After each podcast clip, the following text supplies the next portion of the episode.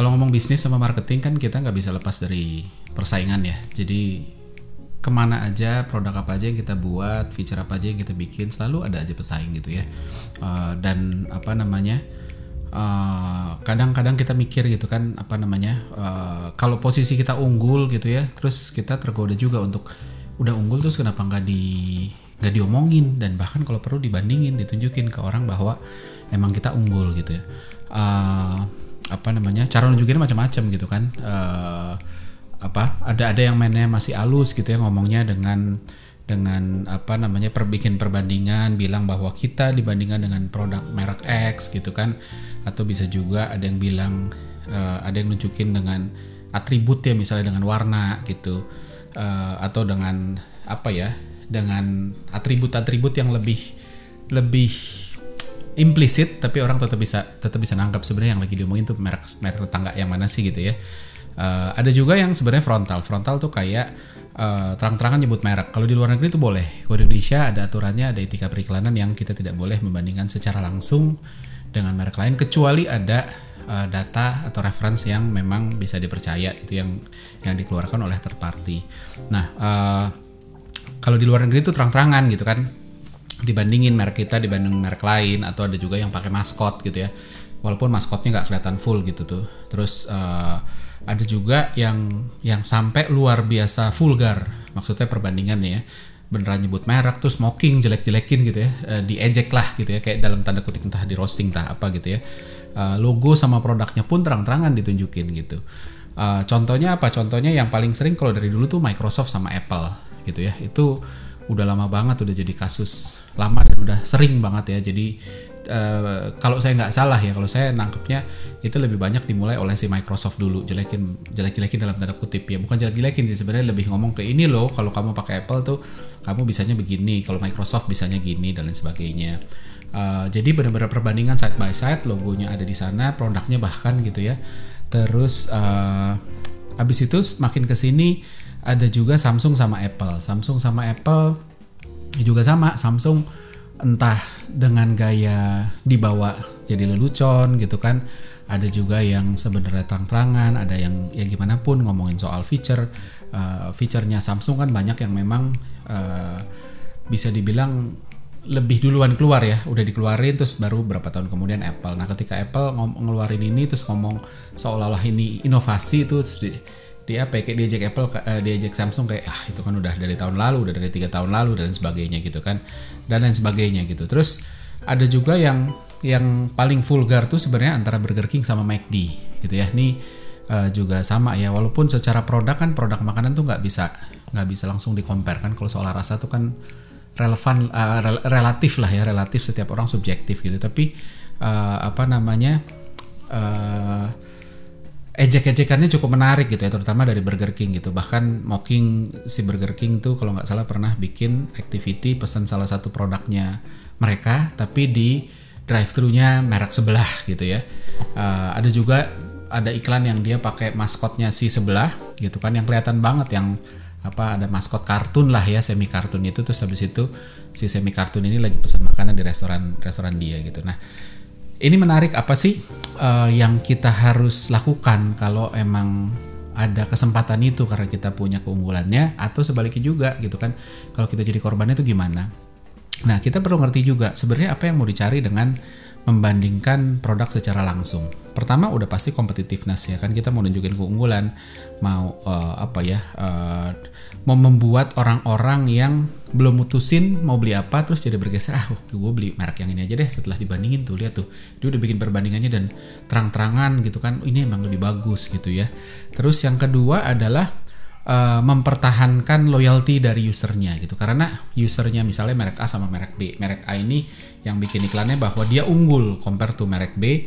Terus habis itu uh, dengan dia bikin begini terus habis itu dia bisa apa ya bisa bikin pemilik merek A, pemilih merek A, konsumen merek A itu akan lebih bangga tuh kan bener merek gue bener gitu kan, pilihan gue bener, kenapa gue milih ini? gitu. Jadi uh, kurang lebih kayak gitu. Nah tapi juga ini juga sebenarnya dalam rangka nge-build relevansi ke audiensnya merek B gitu. Karena dengan bahas dua merek tersebut eh, relevansinya terbangun bukan cuma sama merek itu. Kalau kita bikin uh, gue uh, punya merek A terus habis itu gue iklan di merek A relevansinya kebangun sama yang tertarik sama merek A. Tapi dengan di compare sama merek B itu usernya merek B pun juga jadi relevan. Eh ada apa nih? Kok brand yang gue pakai kok dibanding bandingin sehingga harapannya pelan pelan mulai dapat perhatian terus bisa narik mereka. Kurang lebih gitu ya. Nah uh, dampaknya sebenarnya apa atau risikonya? Kalaupun ada tuh apa aja sih gitu. Yang pertama sebenarnya gini ketika kita punya merek anggap aja kita punya merek A terus habis itu kita ngebandingin entah dengan cara apa pun dengan cara yang soft maupun uh, apalagi yang vulgar ya. Kalau soft sih mungkin mungkin agak aman ya. Dengan cara yang vulgar gitu ya yang frontal uh, kita bandingin sama merek B. Yang nggak bisa dipungkiri adalah kita kasih exposure gratis ke merek B.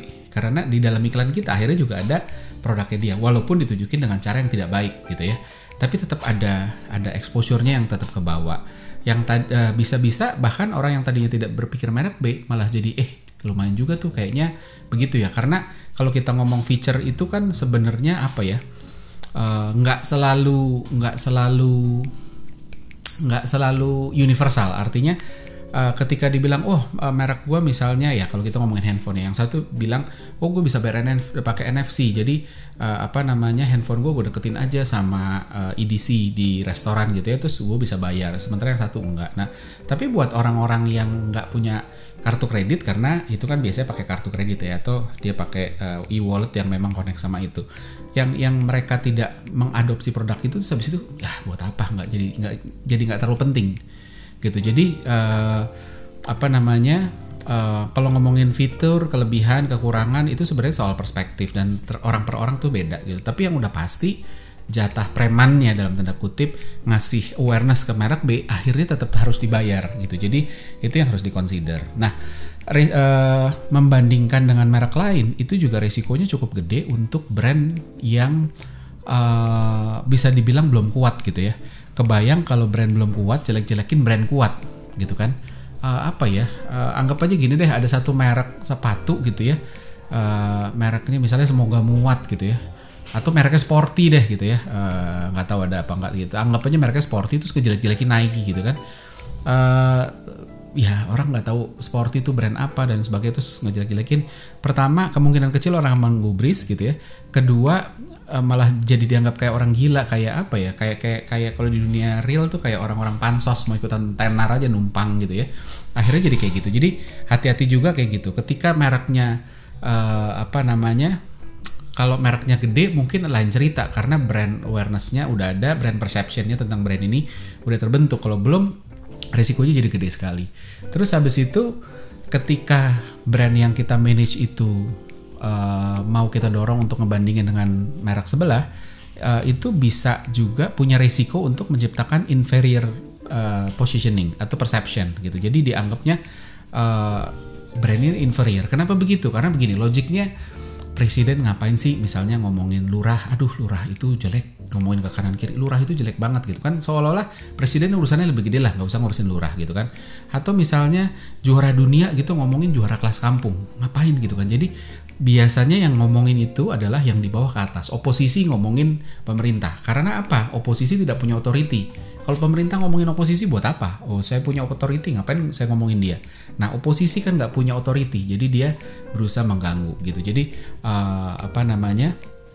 Uh, itu harus dipertimbangkan. Nah, masih masih relatif lebih aman kalau antara dua ini pertama uh, gapnya tipis uh, kayak musuh bebuyutan ya. Jadi misalnya kayak tadi Samsung Apple gitu Microsoft Apple uh, McD Burger King itu kan secara brand perception kan beda-beda tipis. That's why makanya kebetulan contohnya juga relevan untuk nggak apa-apa mereka jalan ke sana. Tapi jangan ditelan mentah-mentah oh si Apple sama Samsung aja begitu Microsoft sama Apple aja begitu. Jadi brand kita juga bisa dong begitu gitu kan. Boleh kalau memang gapnya nggak kegedean kayak gapnya nggak terlalu jauh lah pemain nomor satu sama nomor dua gitu atau dua sama tiga gitu atau tiga sama empat gitu masih oke. Tapi kalau satu sama lima gitu aduh mau ngapain? Satu sama tiga juga kayak aduh kejauhan deh gitu kan. Uh, itu dia jadi itu harus hati-hati. Terus habis itu harus dikonsider juga ada brand-brand tertentu yang baiknya selalu menjaga image positif. Yang pertama apa? Brand pendidikan itu pasti. Kenapa? Karena brand pendidikan itu apa ya yang dijual itu bukan cuma feature tapi yang dijual itu cara pikir uh, karakter dan lain sebagainya. Nah kalau bayangin nggak kalau ada kampus terus ngejelek-jelekin kampus lain gitu kan? Kan jadi mikir kamu tuh pendidik apa enggak sih? Karena pendidik itu kan sebenarnya harus punya mindset bahwa uh, apa ya ya kita mau orang jadi lebih pinter murid jadi lebih pinter dengan bantuan kita. Tapi kepeduliannya bukan terhadap abis itu saya dapat uang dari sana. Kepeduliannya adalah saya mau bikin orang jadi lebih pinter dan kalau itu bisa dilakukan dengan uh, apa namanya dengan lewat orang lain lewat merek lain artinya lewat kampus lain ya nggak apa-apa. Karena pendidik itu goalnya adalah bikin orang pinter bukan make money gitu kan. Kalau di bisnis pendidikan harusnya begitu. Jadi itu juga harus hati-hati gitu. Terus habis habis itu ada juga misalnya produk-produk kreativitas gitu ya. Produk-produk yang uh, positioningnya kreativitas gitu ya tapi cara ngejelek uh, ngejelekin ya dalam tanda kutip atau ngebandingin ya nggak kreatif. Terus akhirnya jadi kayak aduh dia ngebanding bandingin aja nggak kreatif. Terus habis itu gimana nanti saya mau pakai produknya? Gitu. Kayaknya nggak nggak represent itu. Terus ada juga produk-produk yang diasosiasikan dengan kepedulian ya care, caring gitu kayak rumah sakit Uh, kalau ada klinik psikolog mungkin. Terus ya kayak tadi sekolah kan juga sama pendidikan juga kan caring ya. Kita care sama orang that's why. Makanya gimana kita bisa percaya dia care sama kita kalau uh, dia nyikut kanan kiri untuk untuk menang gitulah ya uh, dalam dalam tanda kutip gitu. Jadi itu juga hati-hati. Nah banyak bisnis yang sebenarnya uh, apa namanya uh, dinilai bukan cuma dari fitur ya, tapi uh, bukan masalah unggul apa enggak, tapi memang dari karakternya dan kita harus harus hati-hati soal itu gitu loh. Nah uh, yang yang terakhir sebenarnya kalau kita ngomongin dampak adalah kalau ketika kita ngomongin soal pesaing gitu ya apalagi secara frontal dampaknya itu bukan cuma ke mereknya doang ke merek pesaing tapi juga ke penggunanya si merek itu gitu. Dan dan orang pada dasarnya tidak suka ditunjukin kalau dia salah apalagi disalah-salahin gitu kan. Uh, apa namanya pembeli itu suka nggak nggak nggak nggak bisa secara fair nerima masukan atas keputusan pembeliannya ibu pakai apa bu? Saya pakai merek A gitu ya. Wah jangan merek A bu. Merek A mah jelek banget. Ini gini gini gini gini. Nah itu biasanya kalau kita mulai dengan gitu kalau orang sales dengan mulai gitu biasanya tersinggung gitu kan. Dia mulai apa ya uh, ya lihatlah orang-orang sales kalau mulai jelek-jelekin biasanya kayak gitu. Terus habis itu ibunya jadi defensif. Ah enggak kok saya baik-baik aja dan sebagainya gitu kan. Uh, kalaupun nggak nunjukin kalaupun dia oh gitu ya emang kenapa ya? gitu. Tapi dia makin uh, bis, apa ya resiko untuk antipati terhadap orang yang jelek-jelek ini makin gede kecuali kecuali kalau misal, misalnya udah ada problem. Misalnya saya punya langganan uh, apa langganan internet satu brand gitu ya yang aduh masalahnya banyak banget gitu ya. Terus habis itu ketemu uh, di mall itu ditawarin uh, internet provider lain gitu. Terus habis itu diajak ngobrol bapak pakai apa? Saya pakai merek X gitu ya. Terus habis itu wah merek F uh, banyak uh, apa merek X nih banyak banyak ini banyak masalahnya gitu ya. Uh, ya itu dia mas. Nah saya jadi gampang karena uh, saya sudah punya pemikiran bahwa ini ada masalah jadi ketika dia jelekin ini hanya ini hanya mengkonfirmasi tapi kalau saya belum belum merasakan kekecewaan terus habis itu dibantah bapak salah banget milih merek itu sementara saya nggak ngerasa gitu ya itu malah jadi berbalik gitu berbaliknya adalah mereka bisa amat sangat defensif dan mereka oh gue nggak mau deh pakai pakai brand itu. Nah, kenapa bisa begitu? Pertama, ada yang namanya komitmen bias. Jadi, kita cenderung komit pada komitmen awal apa pun yang kita pernah buat, walaupun ternyata sebegitu jalan ada ada ada hal yang lebih lebih benar dari apa yang kita udah komit gitu ya. Tapi biasanya kita tetap komit gitu. Kita berusaha komit. Kayak kita beli barang gitu ya. Uh, terus salah gitu ya kita nggak langsung pindah kita masih berusaha sekuat tenaga supaya keputusan untuk beli barang ini itu terasa benar gitu kan karena ada gengsi bermain. Saya nggak mau kelihatan salah gitu. Apalagi kalau belinya aja mem memperjuangkan untuk ini beli aja udah ngerayu istri udah ayo dong ini perlu banget dan lain sebagainya. Jadi makin lebih apa lebih berat lagi. Terus habis itu ada lagi yang namanya conformity bias. Conformity bias itu gini. Ketika kita sudah punya pandangan ketika konsumen udah punya pandangan yang menurut saya benar A gitu ya.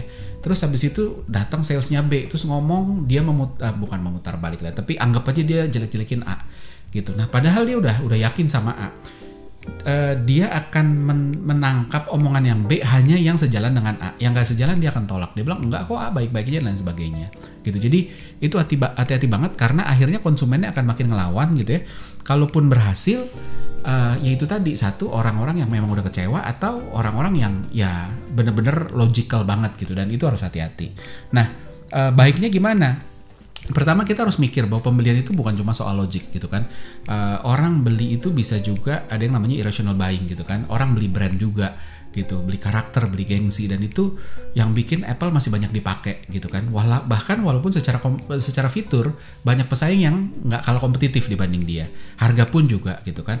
Uh, apa namanya maka dari itu juga si Apple nggak banyak ngomongin fitur. Dia lebih banyak ngomongin benefit ngomongin gengsi ngomongin nih lo uh, kamu kalau pakai Apple tuh bakal jadi gimana sih gitu dan sebagainya terus habis itu Uh, saran saya coba deh lihat uh, apa namanya video saya wah udah mungkin beberapa puluhan episode yang lalu ngomongin soal brand hierarki. Di sana saya ngomongin bahwa di brand hierarki itu ada level yang namanya uh, apa inspire sama resonate itu di atas sorry inspire sama cult itu itu di atas resonate. Nah, ketika kita jualnya logic itu kayak jual uh, kayak mau aim di level brand uh, resonate gitu ya. Nah, which semuanya tentang rasio dan sebagainya gitu. Nah, tapi kalau udah di level inspire, orang udah nggak lihat fitur doang gitu. Fitur salah satu tapi bukan itu yang utama. Apalagi di ke level cult. Contohnya level cult apa ya? Tadi Apple.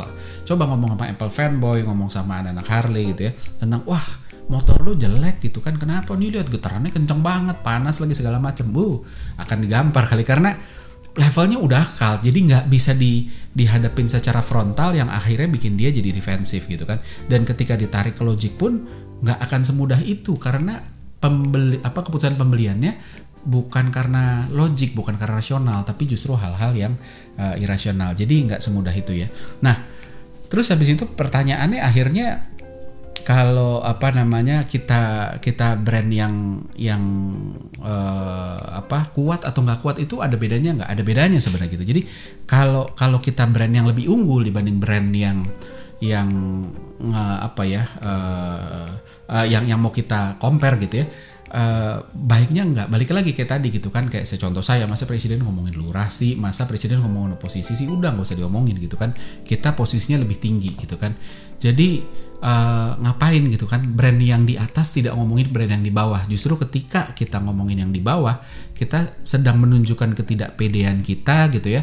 Uh, apa namanya? Dan dan akhirnya menunjukkan inferior kita. Dan itu bahaya banget gitu. Jadi brand yang di atas tuh harus pede. Kalau ditanya soal konsumen apa soal perbandingan ini misal di sosmed gitu ya baiknya uh, ditanggapi tapi dengan positif gitu ya. Misalnya uh, ya kalau ditanya jadi bagusan mana nih? Merek anda atau merek sebelah? gitu ya kita bilang aja kita kan. Ya nggak apa namanya kita bilang setiap brand punya keunggulan gitu misalnya. Terus habis itu uh, kita bangga dengan dengan dengan berbagai keunggulan yang kita punya yang membuat brand kita tapi nggak ngomongin konsumen gitu ya. Terus kalau masih dikejar gimana? Saya pernah tuh uh, ng ng apa ngalamin itu dikejar ya.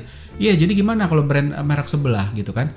Nah kita kita jawabnya halus saja kita bilang bahwa ya untuk hal itu silakan ditanya ke merek sebelah. Mungkin dia akan lebih ngerti gitu. Uh, terus kita bisa secara diplomatis bilang bahwa uh, apa namanya kita fokus lah sama sama sama sama apa keunggulan kita sama produk kita pengembangan segala macam. Jadi kita nggak nggak nggak bisa ngomong atas nama uh, apa merek sebelah gitu. Nah gimana gimana kalau kita dijadiin korban? Jadi brand kita justru malah dalam tanda kutip diserang ya. Yang pertama harus berusaha clean gitu ya. Kalau nggak berbahaya mending didiemin aja kalau berbahaya entah dia udah mulai jadi bikin orang membicarakan atau uh, ada impactnya ke sales gitu ya. Mungkin cara yang paling aman adalah mulai menggunakan third PR testimoni segala macam. Orang-orang yang happy pakai ini ya udah biar mereka yang jawab bukan kita yang jawab. Itu pertama. Yang kedua adalah uh, apa namanya kalau harus banget dibales ya karena udah udah udah udah berkali-kali dan membahayakan. Kayak Apple ya Apple sekarang udah mulai membalas. Awalnya nggak sekarang Apple mulai membalas baik si Samsung dan lain sebagainya gitu ya itu udah mulai dibalas juga sama Apple gitu. Tapi ketika membalas balaslah dengan cara yang pintar yang membuat ini tidak menjelek-jelekan orang tapi benar-benar cuma ya halus gitu kan uh, faktual uh, bisa dipercaya dan lain sebagainya. Dan nggak yang penting nggak menyinggung konsumen hati-hati gitu. Jadi secara tone harus positif harus kasih solusi buat konsumen ngajak ngajak mereka pindah secara positif gitu ya. Uh, tone-nya harus asertif bukan agresif supaya mereka nggak jadi defensif gitu. Uh, intinya hati-hati aja konsumen tuh nilai dari gesture dan komunikasi kita. Jadi kalau kalau uh, kitanya kelihatan panik inferior akhirnya orang jadi ngeliat oh nih kayaknya brand gue kok jadi begini ya dan sebagainya gitu. Tapi ketika kita pede kita tenang jawabnya dengan uh, apa dengan jawaban yang benar atau jawab dengan dengan uh, produk baru fitur baru iklan yang baru yang lebih keren gitu kan tanpa perlu menyinggung sebelah itu akhirnya orang jadi semakin yakin karena oh ini ini nih kayaknya dia lebih oke okay ya. Jadi hati-hati kalau kita ngomongin marketing, kita ngomongin brand building, ketika kita ngomongin purchase decision making uh, apa uh, journey, orang itu menilai dari banyak hal-hal yang uh, implisit dan itu itu somehow tetap bisa di tetap bisa ditangkap sama sama konsumen. Jadi kalau secara implisit gesture kita tidak menunjukkan itu, akhirnya ya kita jadi kelihatan kalah sih gitu.